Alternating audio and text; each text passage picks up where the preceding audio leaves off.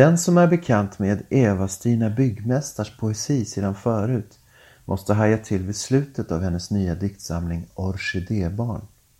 Genom fem avdelningar, 67 sidor, i sig långt nog för en diktsamling. Och det skulle ha varit en alltigenom representativ byggmästarbok. Etableras ett diktjag, ett vi, ett du, ett temperament, en tematik, en berättelse. För att med sjätte och sista sviten genomgå en plötslig förvandling. Tonen blir en helt annan. Brottet, själva övergången, utmärker det här verket. Skiljer Orkidébarn från Byggmästars andra senare diktverk. De böcker jag jämför med är Knoppar, blommor, blad och grenar. Men hur små poeter finns det egentligen? Vagga liten vagabond, Locus Amoenus och Barrskogarnas bad. Det är diktverk genomsyrade av den kompromisslösa glädje som byggmästars poesi kommit att förknippas med och som ofta i recensioner genom åren beskrivits som ett slags verklighetsflykt. Den värld som byggmästars dikt erbjuder i de här böckerna är bokstavligen sagolik. Exotiska och magiska platser, väsen och undersköna ting. Återkommande är också en kärleksberättelse. Livskamraten är alltid närvarande. En lyckovärld byggs upp för två, men som läsaren också får dela. Eller i alla fall den med aptit för den här sortens poesi. Byggmästars dikt kan för somliga bli lite för mycket fluff och blom. Dadelpalmsnymfer, glada figurer i lustiga kläder, promenerande med paraplyer genom prunkande trädgårdar av pelargoner och persimoner. Trots att överdriften, det absurda, humorn också är tydlig. Ordet eufori används ofta i recensioner av hennes böcker. Fast om byggmästars poesi är euforisk så är den det i demonstrativ mening.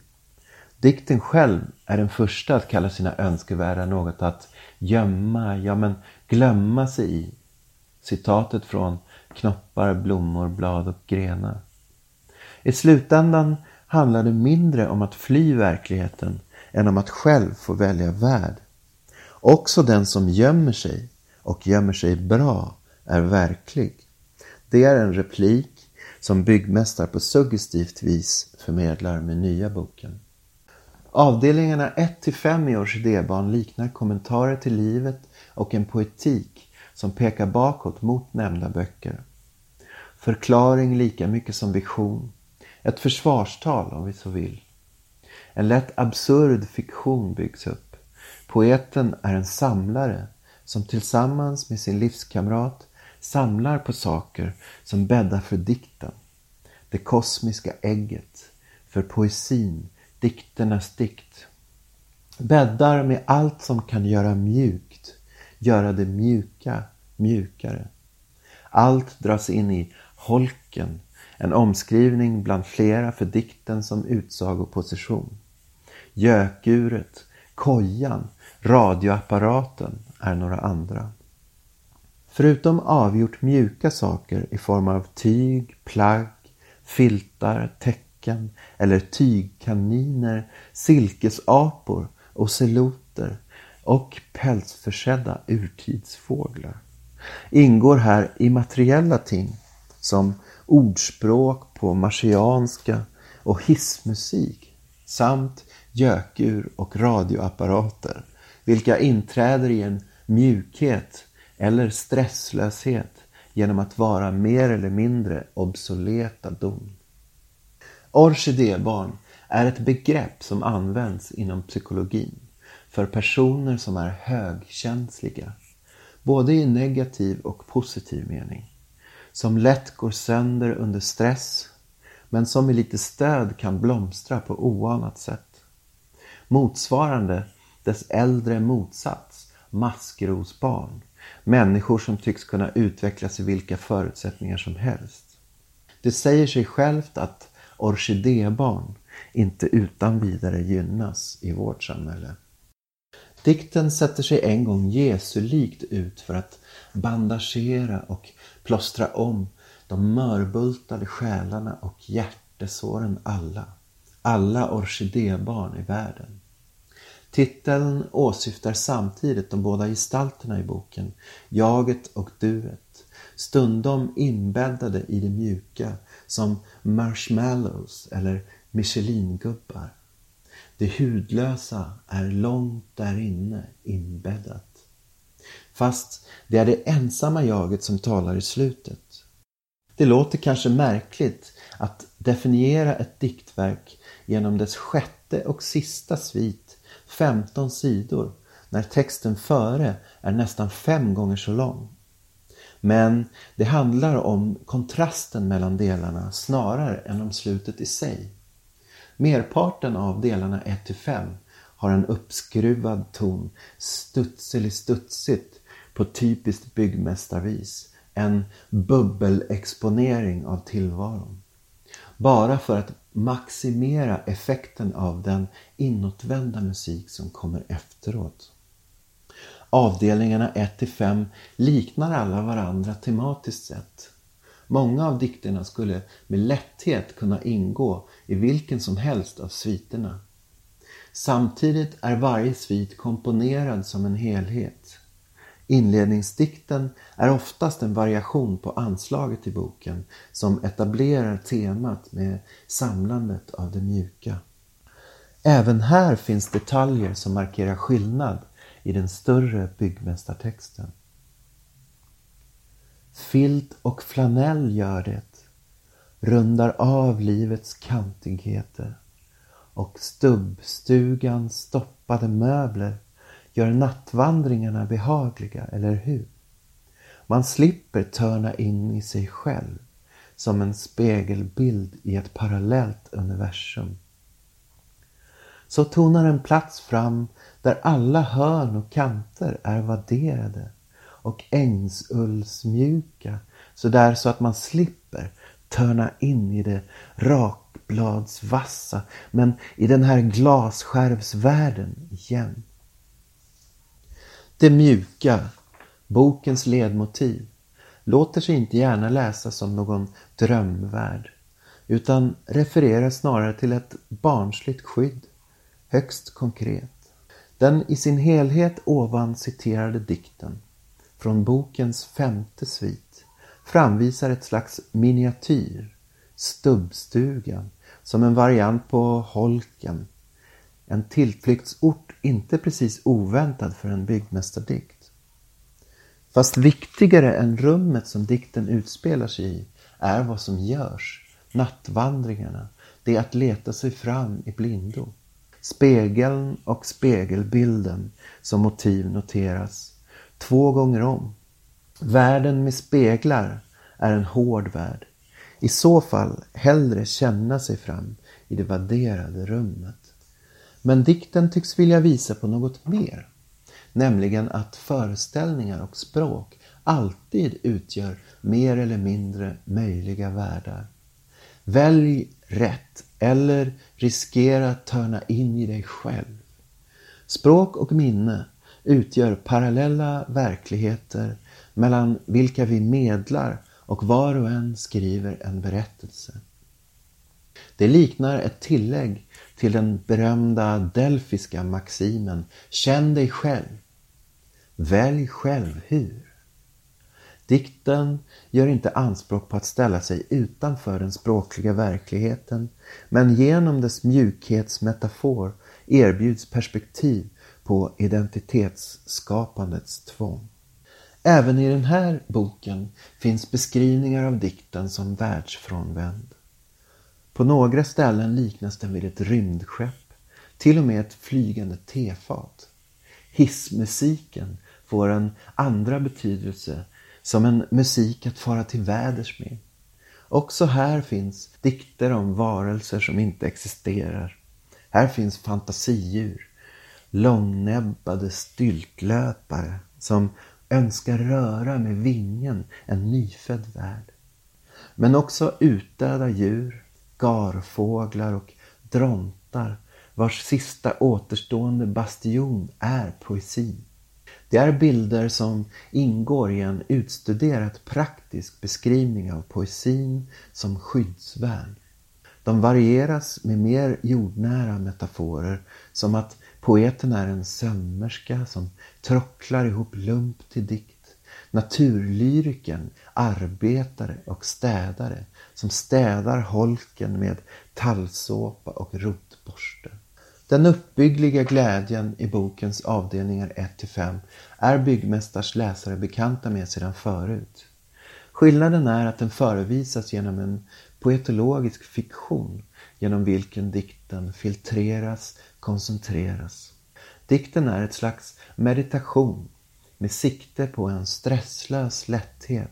Drömmerier blir till formler för en poetisk gospel med syfte att förhöja livskänslan genom det sammanhangslösa, heliggöra det värdelösa, väsentliggöra det väsenslösa, verkliggöra det verklighetslösa.